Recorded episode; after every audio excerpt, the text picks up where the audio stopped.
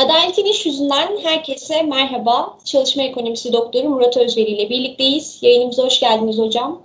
Hoş bulduk, iyi yayınlar. Teşekkür ediyoruz. E, bu haftaki konumuz e, barınma hakkı olacak ve son dönemde çokça tartışılan sosyal konut projesini konuşacağız.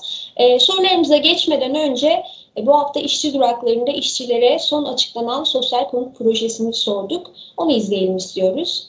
Sosyal konut projesine başvurdunuz mu? Başvurmayı düşünüyor musunuz? Başvurmadım. Düşünmüyorum. Neden? Riskli olduğunu düşünüyorum. İleride o evler yapılmayabilir. Ekonomik kriz bahane edilebilir vesaire vesaire. Yok başvurmadım. Çünkü gerek duymadım yani. Ev sahibi olmak istemiyoruz. Olmak istiyoruz da o gerçek bir şey olduğunu düşünmüyorum. Çünkü bu memura gelen zam gibi taksitlere zam gelecek. Sosyal konut projesine başvurdunuz mu? Yok, var bizim çünkü öyle bir hakkımız çıkmış ona. Daha ödemedik, başlamadık da. Valla biz 3 senedir bekliyoruz. Covid'den öncekiler bizimkiler. Hala 3 senedir bekliyoruz. Peki bir açıklama yapıldı mı size? Yok yapılmadı. İşte E-Devlet'te de şu anda da gözükmüyor hakkımız hatta. Ödemeleri nasıldı? İnan hiçbir şekilde bilgim yok. Biz 500 TL yatırıp sadece kayıt olduk. Çıktı ama hala bekliyorsun. Aynen öyle. Altından kalkamayız diye düşünüyorum. Kaç yıldır çalışıyorsun? 18 yaşından beri. 4-5 senedir. Çalıştığın koşullarda ev sahibi olman mümkün mü şu anki? İmkansız imkansız. Ekonomiden bir markete gir kaç para para gidiyor. Yani şu an çok zor. Başvurdum. Daha şu an bekliyoruz. Çekiliş bekliyoruz. Ne düşünüyorsun? Hayata geçecek mi proje? Bakalım göreceğiz yani ne olup ne biteceğini göreceğiz. Ödemeler nasıl olacak, şeyler nasıl olacak, bizi nasıl zorlayacak göreceğiz hepsini. Ne kadar zam alacağımızı bekliyoruz. Biz sözleşmeliyiz. Biz de işçiyiz yani sonuçta. Asgari ücrete göre olmalı. En fazla dörtte biri olmalı. Onu geçmemeli. Onu geçtiği sürece zaten hiçbir şey yapamayız. O yüzden de ben cesaret edemedim açıkçası. Bir önceki sosyal konut projeleri hayata geçirilememişti. Hala mağdurlar var. Türkiye'nin durumu belli. Biteceğini düşünmüyorum. Mağdur olacağını düşünüyorum insanların. Şu an ben devletin para topladığını düşünüyorum. Bundan gelir elde ettiğini düşünüyorum. Ev kiraları almış başını gidiyor. Burada 4 liraya 5 liraya ev var yani. Çok büyük miktar bunlar yani. İzmitlerde falan 6 lira yani. İnsanları yaşantı standartlarına göre bir fiyat belirlemeleri gerekiyor ve onu, onu da uygulamaları gerekiyor yani. Evet hocam, e, ilk olarak şunu sormak istiyorum. Barınma hakkı nedir e, ve bu hak yasalarca nasıl düzenlenmiştir? Barınma hakkı dediğimiz hak da o klasik haklar hani yaşama hakkı gibi. Klasik haklara eklenlenmiş son kuşak haklardan birisi. İlk olarak hukuki belge düzenlendiği belgenin İnsan Hakları Evrensel Bildirgesi'nin 25. maddesi olduğu kabul ediliyor. Burada herkesin sağlıklı bir konutta yaşama hakkının bulunduğu altı çiziliyor.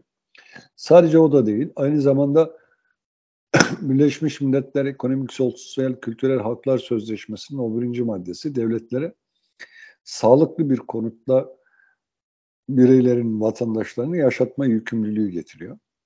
Bizim anayasanın 56 ve 57. maddesi, 56. maddesi sağlıklı bir çevre konusundaki devletin görevlerini düzenliyor. 57. maddesi de her Türkiye Cumhuriyeti vatandaşının sağlıklı bir konutta yaşamasını sağlamak için gerekli önlemler alma konusunda devleti pozitif edim yükümlüsü haline getiriyor. Daha bir alt düzenlemelere gelecek olursak hem Büyükşehir Belediyesi'ne ilişkin yasada hem belediye yasasında 69 ve 73. maddelerde belediyelere sağlıklı bir çevrede sağlıklı konut üretimi için gerekli arsa üretimini sağlamak, gerekirse sosyal konutlar yapmak konusunda ve dönüştürme konusunda tabii kenti sağlıklı bir yapı stoğu haline getirmek konusunda görevler verdiğini görüyoruz. Tarihsel olarak şöyle bir baktım bizde nasıl gelişmiş, ne olmuş? Bizde hep depremler tetiklemiş, yönlendirmiş. Toplu konut konusunda devleti ama yeteri kadar da harekete geçirememiş. İlk deprem Erzurum'da orasında yaşanan büyük 1924 depremi, peşinden Erzincan depremi ki Erzincan yok olmuştur, yeniden kurulmuştur. Peşinden Sakarya depremi, peşinden yaşanılan işte Kocaeli, Sakarya, Yalova'da yaşanılan büyük deprem. Bu depremlerin tamamı Türkiye'de sağlıklı bir konu stoğunun olmadığını gözler önüne sermiş. Bu sorunu gidermek için de devletin, kamunun harekete geçirilmesi gerektiğini çok acı bir takım verilerle göstermiş. Şimdi barınma hakkına geri dönecek olursak devlet nasıl neyi yaparsa barınma hakkı gerçekleşmiş sayılır. dört duvar örmekle barınma hakkı gerçekleşmiyor ama ne yazık ki bizde devlet barınma hakkını biraz da o gözle bakmış. 1950'li yıllardan sonra başlayan büyük göçte göçün getirdiği konut gereksinimi malum gece kondulaşmayla giderilmeye çalışılmış. Devlet gece kondulaşmayı bir anlamda sosyal konut üretimi gözüyle bakmış. Gece konduları yapan insanlar da ileride birkaç kuşak sonra gece konduların en azından bir kentsel rant getireceğini ummuşlar. Belki de ilk başlarken böyle bir beklenti içerisinde değillerdi. Başlarını sokacak bir duvar. Çünkü çok önemli. Bizde ahirette iman, dünyada mekan demişler. Dolayısıyla bir mekan sahibi olmak amacıyla da yapılıyor olsa bir süre sonra kentsel ranttan yararlanmanın bir iki kuşağı kentsel ranttan pay alarak kurtarmanın aracı haline dönüşmüş.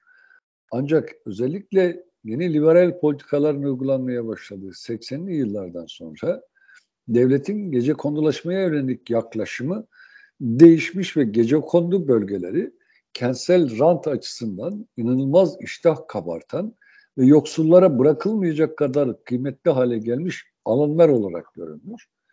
Ve kentsel dönüşüm politikaları ekseninde yoksulları kentin bir kez daha varışlarına itecek ve vurarak, kırarak çoğunlukla da hukuksuzlukla geçen bir ikinci politika, konut üretme politikasını başlatmışız.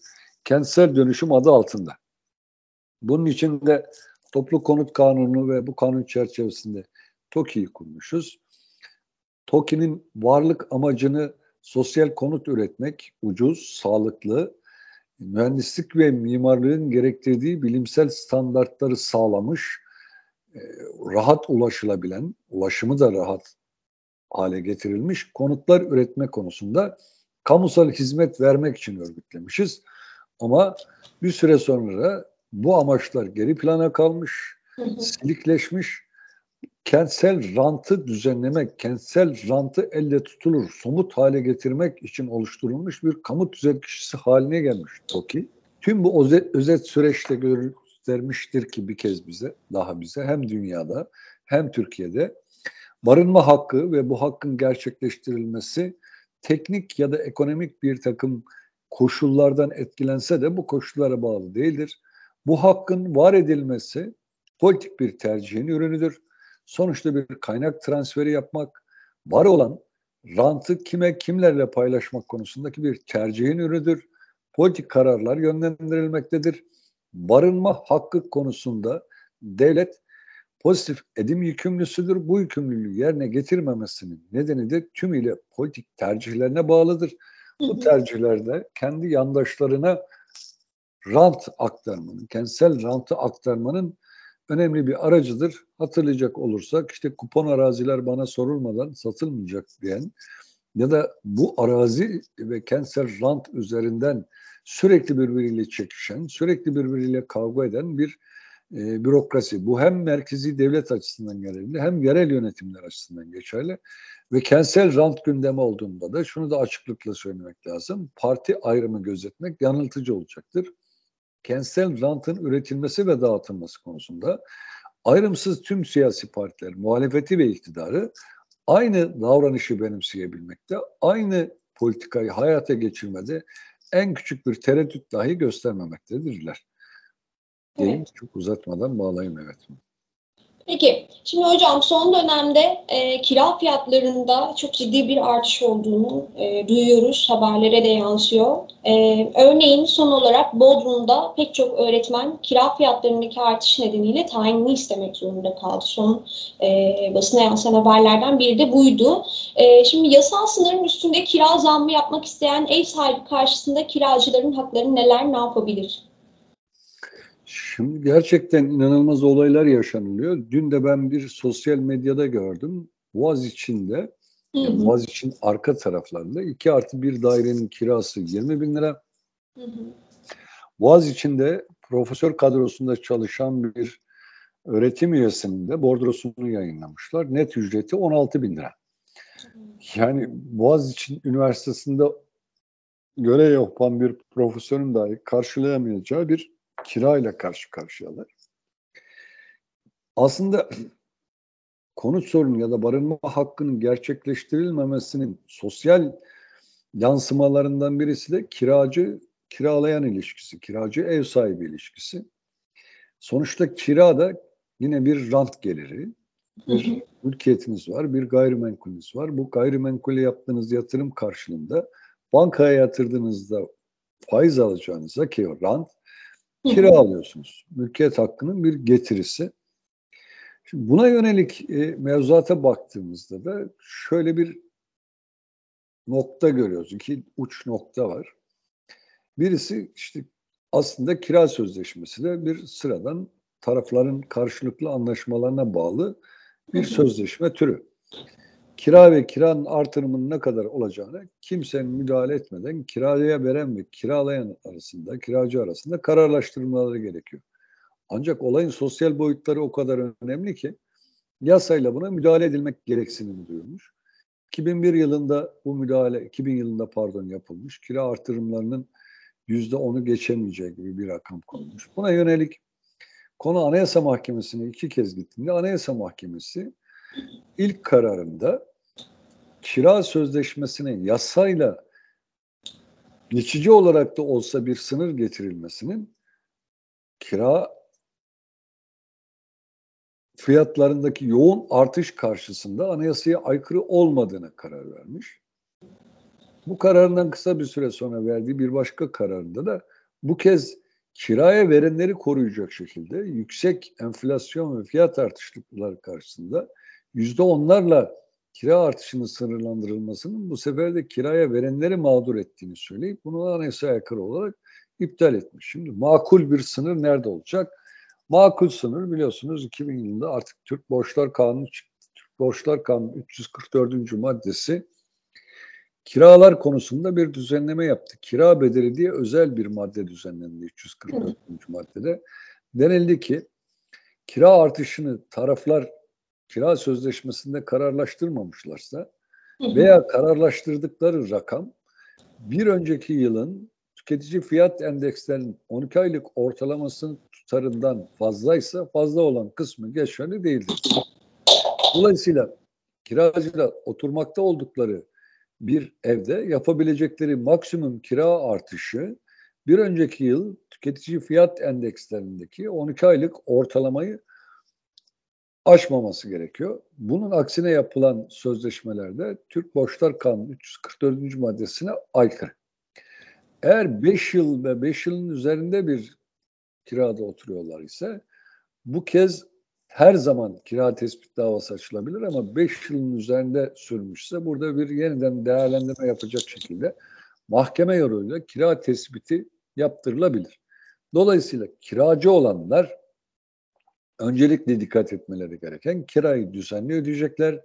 Kira artırımlarında maksimum yapacakları artır, artış bir önceki yılın tüketici fiyat endekslerinin 12 aylık ortalaması kadar olması. Bunun ötesinde bir kirayı kiraya veren kiracıdan isteyemez. İstemesi de hukuki değil. Ama bir boşluk vermeden çünkü onlar tahliye edip yeniden sıfırdan kiraya vermek isteyeceklerdir. Bir haklı tahliye nedeni yaratmamak için kirayı düzenli ve belgeli bir şekilde ödemek gerekir. Elden vermemek gerekir, bankaya yatırmak gerekir. Eğer bankaya yatırmak mümkün değilse evden teslim posta havalesiyle göndermek gerekir. Eğer almıyorsa kira, kira sahibi bir boşluk yaratmak istiyorsa yine elden teslim yollarla kirayı iletmek gerekir. Peki, e, şimdi hocam çok tartışıldı. E, çok kısa bir süre önce sosyal konut projesi açıklandı. 250 bin konut e, yapılacağı söylendi. E, şimdi işçi duraklarında da mesela bir kadın işçi 2019 yılında e, hak kazandığını, e, bir sosyal konut projesi yine TOKİ'den hak kazandığını ama hala e, bir ses soluk çıkmadığını ifade ediyor. Şimdi şöyle 2019 yılında yine benzer bir sosyal konut projesi açıklanmıştı ve 100 bin konut e, yapılacağı ilan edilmişti. Bir buçuk yıl içerisinde bu konutların teslim edileceği söylenmişti. E, şimdi Türkiye'nin pek çok yerinde Samsun, Tuzla, Antep gibi pek çok büyük e, il ve ilçede e, bu projelere hak kazanan, başvurusunu yapan ama e, hiçbir geri dönüş alamayan çokça işçi, e, çalışan var. E, bu durumda bu, noktada olan kişilerin yapabileceği e, neler var? Şimdi sadece Türkiye'de değil, tüm dünyada da toplu konut üretimi aşamasında bir sorun çıktığında ya da bir ekonomik kriz çıktığında bu krizin bedeli ne yazık ki çalışanlara ödetilmiştir. Evet. Şu anda bir sosyal konut ya da herhangi bir konut projesine girdikleri andan itibaren yapmakla yükümlü oldukları şeylere bir bakarsak öncelikle satın aldıkları ya da satın aldıklarını sandıkları konut üzerinde ipotekleri vardır. Bankanın ipotekleri söz konusudur. Bir ödemelerde aksama olması halinde evleri satılacaktır. Yatırdıkları paralar faizleri ancak karşılayacaktır. Dolayısıyla çok riskli bir şeydir bir kriz anında. Bir de şuna dikkat etmeleri gerekir. Toplu konutta konutla iş yeri arasında da çok ince bir fark vardır. Türkiye'de bankalar yurt dışından aldıkları paraları satıyorlar ve satın aldıkları yani aldıkları yurt dışındaki banka Türkiye'deki riskin artmasına bağlı olarak krediyi geri çağırdığında vadesinden önce geri çağırdığında Türkiye'deki banka da aynı şeyi yapmaya kalkmakta ve aynı şeyi yaptığında konut değil ama diyelim ki iş yeri ise birdenbire o iş yerinin sahibi ciddi bir borçla yüz yüze kalabilmektedir. Şimdi hiç projeye başlanılmamışsa yapabilecekleri bir şey yok şu politika anlamında. Yani bir hukuki zorlamayla e, siz şu projeyi şu sınırda yapın diyemezler. Eğer imzaladıkları sözleşmede teslim koşulları belirlenmişse, ucu açık değilse, şu kadar sürede teslim edilecektir diye bir takım yükümlülükler varsa ve kendileri de ödemelerini yapmışlarsa o zaman e, imzaladıkları sözleşmenin tarafı TOKİ ise TOKİ'ye dava açacaklar ve bu nedenle uğradıkları örneğin kira zararlarını isteyebilecekleri gibi konut da talep edebilirler. Eğer böyle bir sözleşmede böyle bir yükümlülük yoksa ya da bir bu tür gecikmeler halinde kendini korumaya almışsa TOKİ, bu gecikmeler nedeniyle herhangi bir tazminat ödenmeyeceği önceden kararlaştırılmışsa bu kararlaştırmanın hukuk geçerliği de bence tartışmalı olmakla birlikte işleri biraz daha zor olacak demektir. Şimdi hocam son olarak şunu sormak istiyorum. Türkiye'de 25 milyon icra dosyası olduğu açıklandı geçtiğimiz günlerde Ee, ve son 5 yılda da ipotekli e, ve hacizli konut sayısında ciddi bir artış yaşandığı söyleniyor. Şimdi işçilerin bir ya da birden fazla icra dosyaları olması durumunda e, bunlar maaşlarından nasıl kesiliyor? E, yapılabilecek bir şey var mı? Bunu sormak istiyorum. Ücretin dörtte birden fazlası haczedilemez. Bu isterse 50 tane ayrı alacaklı olsun fark etmez. Dörtte birine yönelik e, tutar sıraya konulur. Dörtte bir önce bir alacaklının borcunu bitirirse ondan sonraki sıradaki ikinci alacaklı, üçüncü alacaklı diye devam eder. Ancak dörtte birin haczedilmemiş olması ama sürekli ücret hesaplarına hacizin gelmiş olması bu gelen hacizler yüzünden eğer işveren ayrı bir personel istihdam ederek süreci takip etmek zorunda kalıyor. Böyle bir iş yükü artıyorsa tazminatlı olarak kıdem ihbar tazminatını ödeyerek işçi işten çıkarma olanağına sahip hale geliyor Yargıtay kararlarına göre. Sadece ücretlerinin dörtte birinin kesilmesi değil, işlerinden olma riski de var. Buna da dikkat etmeleri gerekiyor. Yazık ki hukuki durum bir bıçak sartı gibi bir durum. Ama 50 alacaklı da olsa dörtte birden fazlası ücretin haczedilemez. Peki. Evet. Var mı eklemek istediğiniz bir şey hocam? İyi yayınlar diliyorum. Çok teşekkür ediyoruz. E, Adaletin İş Yüzünden bu haftalık bu kadar. Önümüzdeki hafta görüşmek üzere.